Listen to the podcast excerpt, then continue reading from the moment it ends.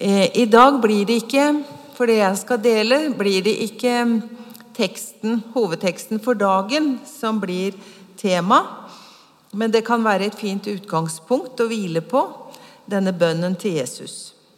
Vi skal snakke litt mer om hva som kan skje i stillheten, for hvor jeg møter Gud, Gud møter meg, og hva skjer da?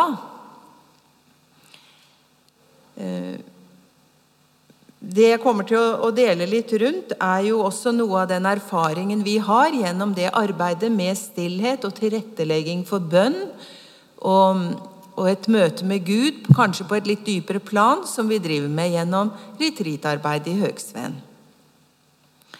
Eh, så noe knytter seg kanskje til en sånn type eh, møte, litt over tid og litt dypere.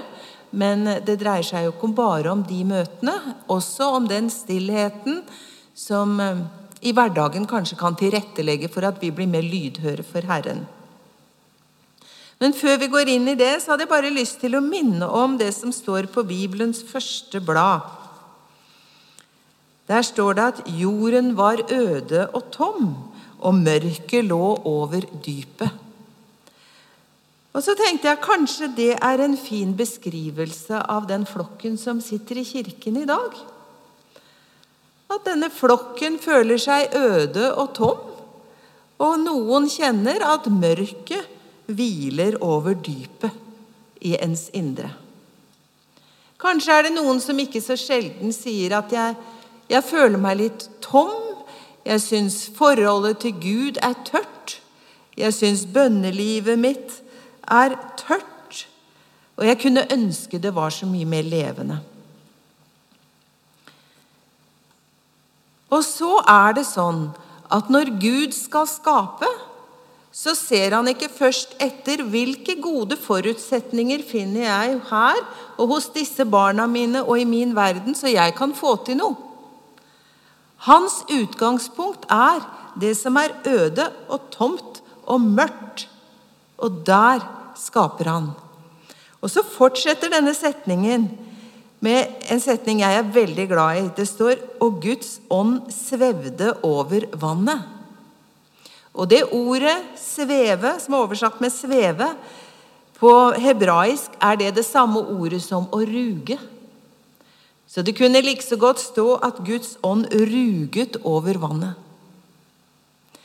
Så det som var øde, mørkt og tomt, over det ruget Guds ånd for å skape liv.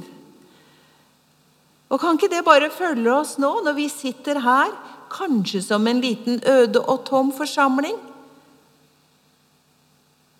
Guds ånd hviler over oss nå, og den ruger for at livet skal skapes, og livet skal spire fram. Og så kommer Guds tale og Guds ord rett inn i den situasjonen, og så sier Gud 'bli lys'. Og så ble det lys. Så det er håp for oss når vi er i Guds nærhet med det vi kjenner på, enten det er tomt, øde eller mørkt. Skal vi be litt før vi fortsetter? Vi takker deg, Far i himmelen, for at det er du som skaper. Det avhenger ikke av hvor mye vi klarer å bidra med, eller hvordan vi føler oss. Takk at det er du som skaper, det er ditt ord som lar lyset skinne i mørket. Det er du som kan røre ved dypet av vårt indre menneske for å gjøre oss levende, og for å la din kjærlighet bare smelte sammen med vårt liv. Takk for at du er her nå. Takk for at du ser hva hver enkelt av oss trenger. Amen.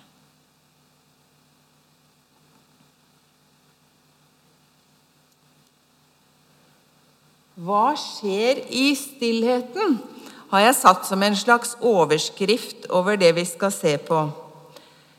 Det er klart at Jeg kan ikke dekke opp hva som skjer i stillheten når et menneske møter Gud. Men vi kan peke på noen elementer som kanskje kan bety mye for oss eh, i møte med Gud når vi er avskjerma og ikke alt annet så fort får tak i oss. Og da kan det være noe annet som begynner å formes i livet vårt. Så skal vi se litt på det nå. Når vi fikk et innblikk i Jesu bønn i dag, så var ordet enhet med Gud, med Jesus, og kjærlighet to ord som gikk igjen flere ganger. Og det ser ut til å være et dypt, inderlig ønske hos Jesus når han samtaler med sin far, at kjærligheten og nærheten til Gud må bli det mest dyrebare og det bærende i våre liv. La disse disiplene mine, sier Jesus, som jeg har snakka med og opplært, og de har fått fulgt meg, la de nå bli trukket inn i en enhet med deg og inn i din kjærlighet på samme måte som jeg er. Så Jesu ønske er at kjærligheten skal være det dypeste som alt i forholdet mellom han og meg grunnes på. Og Jesus sjøl viser oss dette på litt forskjellige vis. I Johannes 21 der sitter han sammen med Peter etter sin oppstandelse. Og Peter han hadde det meste gått gærent for, så han var nok en som kjente mye på mørket i de dagene der. Jeg syns det hadde vært veldig naturlig, sånn vi kjenner Peter fra før, at Jesus hadde trukket ham nær seg, for det er det han gjør. Altså, nå er det vi to, la de andre tenke på sitt. Nå er det vi to, Peter. Så kunne han kanskje sagt, 'Syns du du har lært noe nå, Peter?' 'Du var så sterk, du falt så dypt. Hva har du fått ut av dette her?' 'Tror du det vil gå litt bedre nå, heretter?' Altså en opplæring, kanskje litt bebreidelse. Han fortjente i hvert fall å få en oppstrammer etter det han hadde gjort når han fornekta Jesus. Og så er det første Jesus sier til Peter, 'Elsker du meg?' Han bruker kjærlighetens språk, hjertespråket, for å nå inn til Peter. Vi ser også i Markus 6,31 hvordan Jesus inviterer inn i sin nærhet. Disiplene ble fort engasjert av det de fikk til, av sine prosjekter og det de var utsendt for å gjøre. Og her hadde de vært ute på la oss kalle det misjonsturné. De hadde stått på og forkynt evangeliet og gjort Guds rikes gjerninger og kommer begeistret tilbake. Kanskje er det litt overraskende at Jesus ikke sier 'ja, dette er fantastisk, nå må vi bare fortsette'. Istedenfor så sier han 'kom med meg til et øde sted, hvor vi kan være alene, og vil dere litt'. Altså I Jesu hjerte, i hans kjærlighet, hans omsorg og i hans klokskap, så ser han nå har det vært aktivt, nå er det tid for å roe ned. Nå er det tid for at dere bare er sammen med meg, og ikke opptatt av noe annet. Og så kan dere få hvile. Hvile for sjelen, hvile for engasjementet. Og bare være hos Jesus.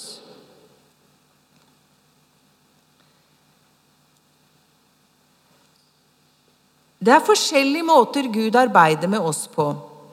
Eh, I den tradisjonen som har vært i Delk, kanskje litt utpreget, men også en del andre sitt, eh, tradisjoner, så har det vært veldig mye fokus på opplæring. Vi skal kunne vi skal kunne det kristne budskapet og hva vår bekjennelse bygger på. Og så denne kunnskapen skal rettlede oss gjennom livet. Og det er en solid byggestein. Det er bra, for det er ikke bra når kunnskapen blir borte. Men det rare med oss mennesker er at vi består av et hode og et hjerte. Og får vi for mye i hodet, så tilsier ikke det at vårt hjerte blir så annerledes, og at vi oppfører oss så kjærlig, selv om vi kan mye om kjærlighet i hodet. Så når vi går inn i stillheten, så er det ikke først og fremst læringen, sånn vi er vant til å tenke læring, som er det viktigste. Men det er kanskje mer formingen. Altså at det vi kan, smelter sammen med kjernen i vår personlighet, som vi ofte kan uttrykke med ordet hjerte. Og så formes vi etter Guds bilde. I Jeremia 18 så finner vi fortellingen om, om pottemakerens hus. Da skulle profeten lære noe. Så han ble sendt til pottemakerens hus for å stå og se hva som skjedde på dreieskiva. Og Der lå det en leirklump, og i pottemakerens tanke og engasjement så han kanskje for seg den aller vakreste vase og begynte å arbeide med denne leira. Men så er Gud ganske jordnær når han snakker med oss og vil vise oss noe. Så han sier at når leira og denne eh, keramikkvasen, for å bli det bildet, er på vei til å bli noe vakkert, så kan den gå i stykker. Eh, leirklumpen detter litt sammen, og hva gjør pottemakeren da? Han begynner på nytt, og så former han igjen. Og han gir ikke opp, selv om det er motstand i leira. Slik kan også jeg gjøre med mitt folk, sier Gud da i den fortellingen. Så har han gitt et anskuelig bilde på hvordan vi er i Guds hender, og han ønsker å forme oss. Noen ganger kanskje knar han litt hardt.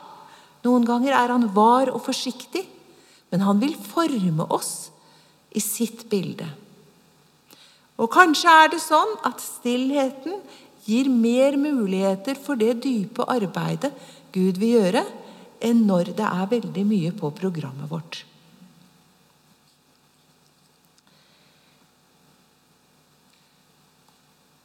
Det kan hende at Gud er på en solid kollisjonskurs med vår vestlige kultur og den tankemåten som er blitt helt naturlig for oss som lever i dette samfunnet. Det er en sånn eh, fiffig reklame, et fiffig reklamebegrep som er kommet opp i den siste tida. Har vart en stund nå. Og Når vi hører det begrepet, så skal vi altså tenke at dette er fantastisk, selv om det kanskje er en tragedie. Og det begrepet er 24-7. Det tok veldig lang tid før jeg skjønte hva det var for noe. Men eh, hvis det er noen flere da, som ikke har fått det med seg, så er det altså Her er det åpent 24 timer hvert døgn i sju døgn i uka. Alltid åpent. Alltid på tilbudssiden. Alltid kan vi få solgt deg noe. For under de fine ordene om at dette er bra for deg, så ligger det jo alltid et annet engasjement som ofte er å tjene mer penger og få større bedrifter. Eh, men vår, vår eh, tankegang i vår kultur er blitt sånn at 24-7, alltid på, det er virkelig et godt tilbud og noe å strebe etter. Jeg lurer på om Gud sitter og rister på hodet. For jeg tror ikke vi mennesker er skapt til å være på 24-7. Eh, det er ingenting i Bibelen som peker i den retningen i det hele tatt. I stedet ser det ut som at hvis det blir for mye 24-7, da får Gud behov for akutt å bryte inn for å gjøre noe helt annet. Og det er et ord som går igjen eh, mye i Det gamle testamentet, og også litt i det nye. Og det er ørken. Ørken er et sted hvor du ikke har tilgang på nesten noen ting. Ørkenen, der blir folk ribba veldig på en måte nakne med livets elementer. Når man går ut i ørkenen, så går man gjerne avsides, for da forlater man det pulserende og går inn i et sted hvor man mer blir ribbet og står bare igjen med det helt essensielle så kan man ofte tenke at ørken ja, det er liksom ikke idealet for hvordan jeg ønsker det skal være i mitt liv. Eh, men der det sprudler og lever, der vil jeg gjerne være. Og for Gud så ser det ut til at det er en kombinasjon av at det som skal sprudle og leve, det kan fødes i ørkenen. I 5. Mosebok 8,2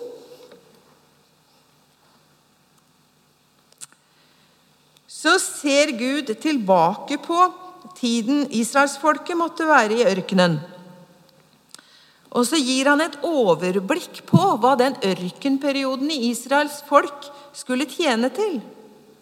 Og der står det du skal huske den lange veien som Herren din Gud førte deg disse 40 år i ørkenen, fordi han ville ydmyke deg og prøve deg og få vite hva som bodde i ditt hjerte om du ville holde hans bud eller ikke. Og så fortsetter det å beskrive at han lot deg gjennomgå i ørkenen både sult og tørst og andre lidelser. Ehm, det var ikke behagelig for israelsfolk å være i ørkenen, men de fikk noen veldig sterke møter med Gud i ørkenen. Og når folket blir ribba for det meste, sånn som israelsfolket ble i ørkenen, så måtte de sette sin lit til Gud. For det var ikke noe annet de kunne sette sin lit til. Og da begynner vi kanskje å nærme oss litt der Gud ønsker vi skal leve livet vårt. I total avhengighet av Han og Hans nærvær og handlinger, og ikke så mye å stole på av andre ting rundt oss eller det vi sjøl klarer å prestere. I Hosea 2,14 så får vi enda et glimt inn i Guds lengsel. Eh, når vi kommer til Hosea og den tida, så hadde folket, israelsfolket kommet ut av ørkenen. De hadde kommet inn i det lovede land. Det var et land som fløt av melk og honning, altså overflod, velferd. Kanskje det ligna litt på sånn vi har det. Det var ikke, så mye å bekymre seg for lenger, for her var alt, og her kunne livet leves. Og hva skjedde med Guds folk når de kom i den situasjonen? Det var akkurat som de ble mer opptatt av de mulighetene livet bød på. Mer opptatt av hva samfunnet hadde å tilby. Religiøse, interessante um, tilbud omkring dem. Til slutt så gikk det så langt at Gud sa, 'Dere tilber meg med leppene, men hjertene deres er langt borte fra meg.' Og da ønsker Gud inderlig å gripe inn for å få en forandring, for å kalle dem tilbake til sitt eget hjerte. Og i Hosea står det, 'Derfor vil jeg lokke henne' og føre henne ut i ørkenen og tale til hennes hjerte. Det var nødvendig for Gud å skape en avstand til det som hadde fått så stort grep om engasjementet hos sine barn og sitt folk. Å skape et, et brudd ut i ørkenen, vekk fra alt sammen. Der skal jeg tale vennlig til ditt hjerte.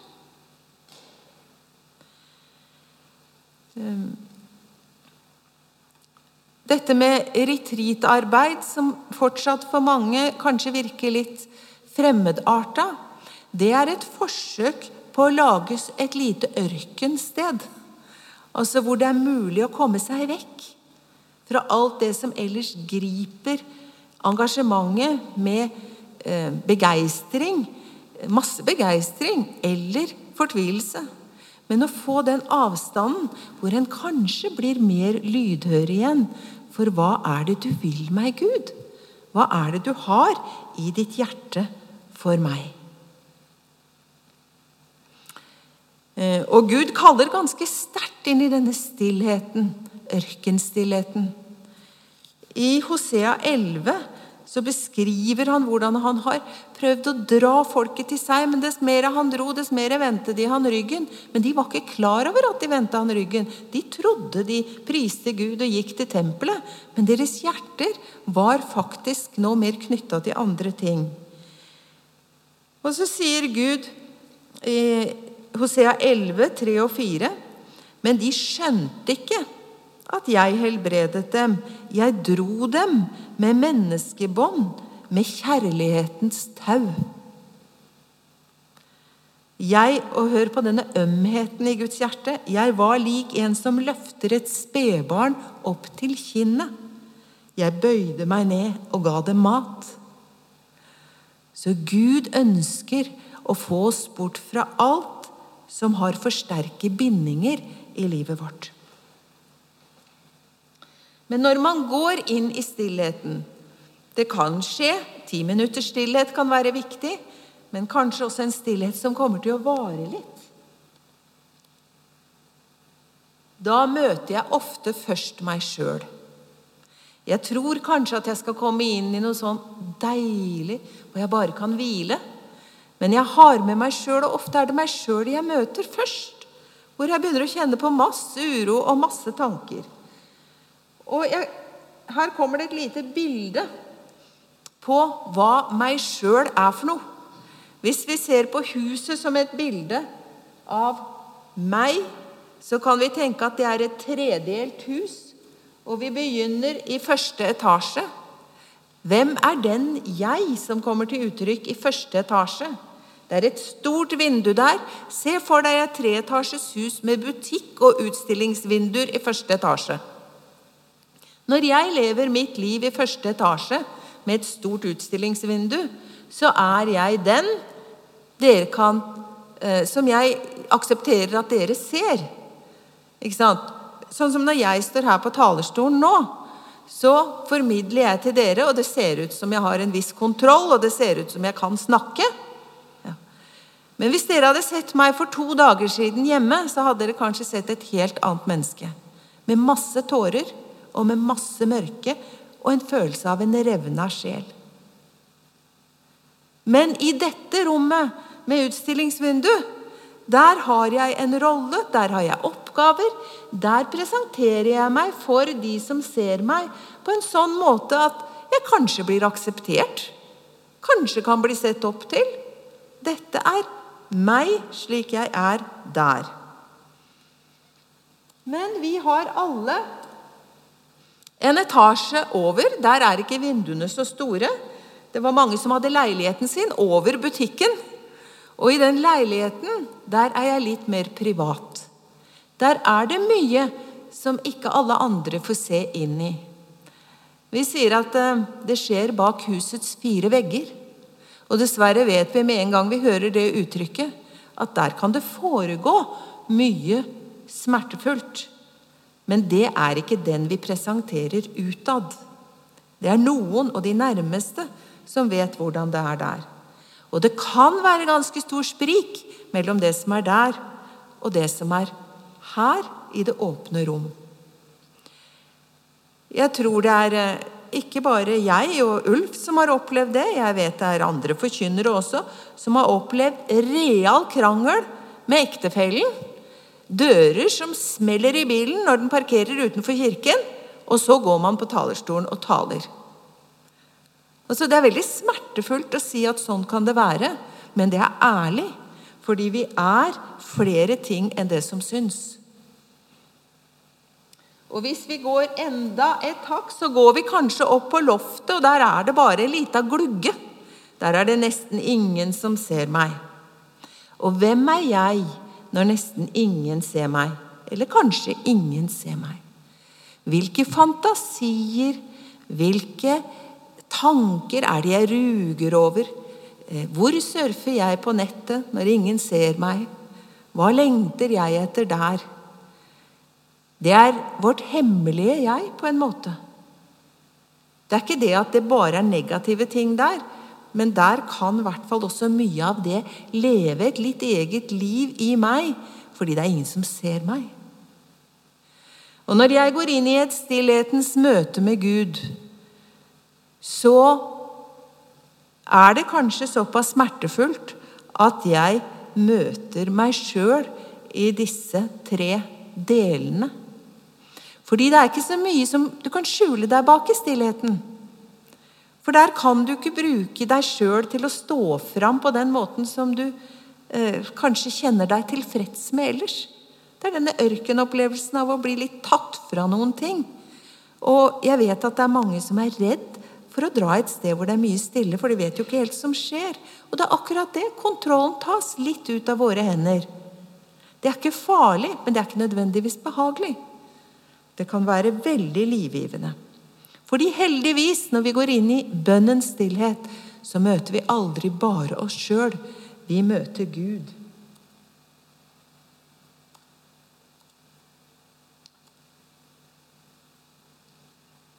Gud Jeg skal bare først referere til første kongebok, hvor Gud legger til rette for et møte med et av sine barn en som sto i en veldig aktiv og veldig sterk tjeneste. Men han hadde også gått litt nedenom og hjem. Og jeg tror han hadde mer lyst til å dø enn å leve videre. Så han var nok dypt deprimert. Men så legger altså Gud til rette for et møte. Og det gjør han på fjellet Horeb og han eh, inviterer Elia og tilskynder Elia til å komme seg til dette fjellet.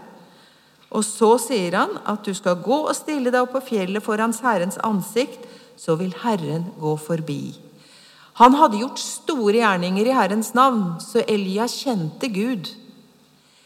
Eh, og på samme måte så er Gud alltid så mye større og så mye annerledes. Så nå skulle denne aktive tjeneren også få et møte med Gud som var annerledes enn han hadde hatt før. Så nå står denne lille profeten der og venter på hva som skal skje. Og så blir det første som skjer, et jordskjelv. Alt rister. Det er voldsomt. Det er mektig. Men Gud var ikke det jordskjelvet. Så gir det seg sikkert, så står han og venter. Så kommer det en storm som uler rundt ørene hans. Og det er også veldig mektig. Her er sikkert Gud til stede. Overraskende nok så stilner stormen av, og Gud var ikke i stormen. Enda en gang blir det sånne sterke hendelser hvor det kommer ild. Kanskje er det lyn og torden som omgir han. Og det samme skjer. Gud var ikke i ilden. Og så står det Etter ilden kommer lyden av skjør stillhet. Skjør stillhet. Da Elia hørte den, han hørte den skjøre stillheten, da tok han kappen for ansiktet. For da visste han at nå er Herren hos meg. Nå er jeg så nær Herren som jeg kanskje aldri har vært i denne stillheten. Gud omga seg med stillhet. Og i dette stillhetens møte med Gud fikk, fikk Elia et nytt kall og ble på nytt sendt ut til tjenesten. Med en ny frimodighet. Det er flere ganger vi får innblikk i Guds hjerte. Og i Lukas 22, 15, så er det Jesus som skal feire den eh, siste nattverden med disiplene. Sjøl vet han at han nå står på terskelen til en lidelse som er mer enn han orker å tenke på. Men det han sier til disiplene sine når de er samla og skal begynne kvelden sammen, er 'Jeg har inderlig lengtet etter å ete dette måltidet med dere'. Det er Jesus som lengter. Og han lengter inderlig etter dette måltidsfellesskapet for å knytte seg og knytte dem til seg. Så når vi går inn i stillheten og bønnens stillhet, så møter vi en Gud som allerede er der og lengter etter at jeg skal komme. Og Det står også i Jesaja 30, eh, 18 der har folket fått et tilbud om å roe seg ned. I stillhet og tillit skal din styrke være, sier Gud til folket sitt. Ehm, de var rett ved et krigsutbrudd, en stormakt som var på vei til å, å omringe dem. Det var eh, eh, full krise. Og lederne i landet og kongen visste jo ikke hva de skulle gjøre for å redde folket sitt. Og de tenker febrilsk på alle strategier de kan få til for å få Guds folk til å overleve eh, og ikke gå dukken. Og så får de beskjed fra Herren i stillhet og tillit skal din styrke være. Ikke dra til Egypt. Ikke dra der du tror det er makt å hente. Men vær stille for Gud, så skal du bli redda.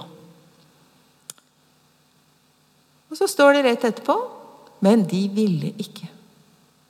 Så det er en veldig sånn sørgmodig, en fantastisk invitasjon.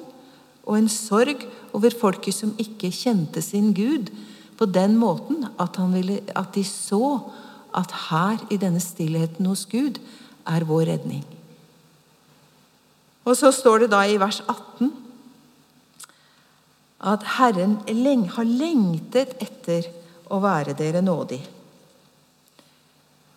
Også der er det kobla til at Herren lengter etter å være nådig, omslutte sitt folk og sitt barn med kjærlighet, tilgivelse, kraft. Og Så kan vi kanskje kjenne litt på den sorgen, men de ville ikke. Vil jeg? Hvor mye vil jeg søke Herren? På hvilken måte kan jeg søke Herren? Men det som er helt sikkert ut fra Guds ord, er at han vil. Siden dette um, dette er mye av det vi lever i fordi vi driver denne tjenesten i Høgsven, så, så, skal jeg komme inn på et par ord som vi bruker en del i denne settingen, og som kanskje ikke er så, dere er så fortrolige med, selv om dere har hørt de. Ehm, det ene bruker vi lite. Det som kommer nå, det bruker vi ofte. Og det er meditasjon. Vi sier gjerne bibelmeditasjon, eller noen sier Jesusmeditasjon. Eh, selve ordet meditasjon kan skape for oss litt sånn eh, mystiske assosiasjoner. Fordi at meditasjon også nå brukes i mange Eh, ikke-kristelige sammenhenger. Men opprinnelig sett er meditasjon et ord som vi finner i Bibelen vår. Eh, I Salme 1 Salig er det mennesket som grunner på Guds lov dag og natt. Eh, meditasjon er latin, og i den latinske bibelen står det 'som mediterer på Hans ord dag og natt'. Så dette med grunne på, denne ettertanken, som ikke blir bare forståelse og tankemessige eh, vandringer og jobbinger, men som blir undringen, grunne på, slik som Maria gjorde. Hun hørte hva hyrdene hadde opplevd på marken. Hun lyttet til det og tok vare på det i sitt hjerte og grunnet på det.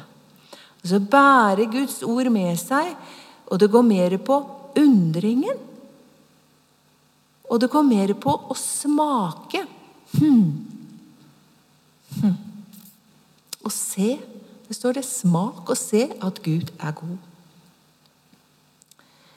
Det som skjer når vi går inn i møter bibelordet på en litt meditativ måte, med ettertanke og undring, det er at vi ofte går litt dypere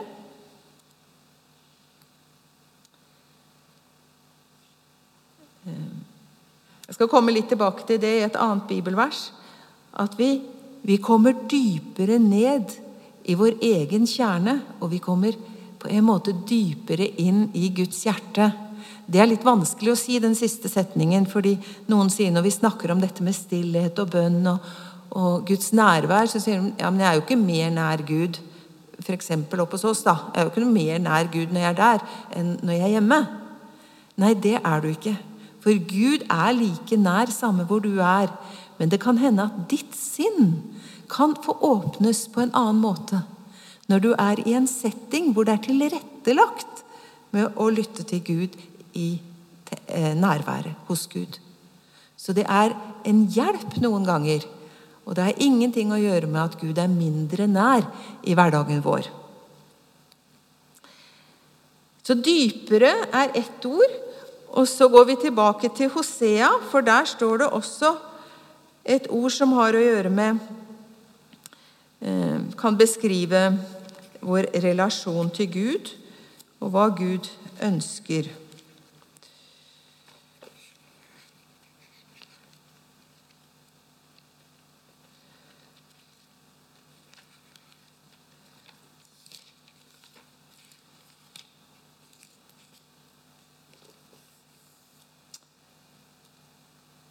I Hosea 4, 1 og 6, der står det følgende så Det er Guds fortvilelse over hva som har skjedd med hans folk. For det er ingen troskap og ingen kjærlighet og ingen kjennskap til Gud i landet. Og i vers 6.: Mitt folk skal gå til grunne av mangel på kunnskap. I vår oversettelse er det brukt altså at det er ingen kjennskap til Gud, og at folket går til grunne av mangel på kunnskap. På hebraisk er dette samme begrepet kjennskap og kunnskap. Det er ikke delt opp i to, slik at kunnskapen sitter her, og kjennskap er noe mer relasjonelt som vi har mellom oss. Det er samme ord, så det er snakk om en kunnskap hvor vi kjenner Gud på et dypere plan. Det, er, det står om um, Adam og Eva, tror jeg, at han gikk, eller noen av de andre gikk inn til sin kvinne og kjente henne. Og det er altså samme begrepet. Det er en intim kunnskap, kjennskap, som er kanskje det dypeste som er mulig å oppnå mellom to mennesker i det seksuelle samlivet. Han kjente sin kvinne. Gud sier at vi går til grunne fordi vi ikke kjenner ham. Og Det er snakk om å kjenne ham på et dypt plan, hvor den kunnskapen vi har lært, og den erfaringen vi lever i i den daglige omgangen med Gud i bønnen, blir til ett. Og blir beskrivelsen av hvordan vi lever nær vår Gud, med alt som har med vårt liv å gjøre.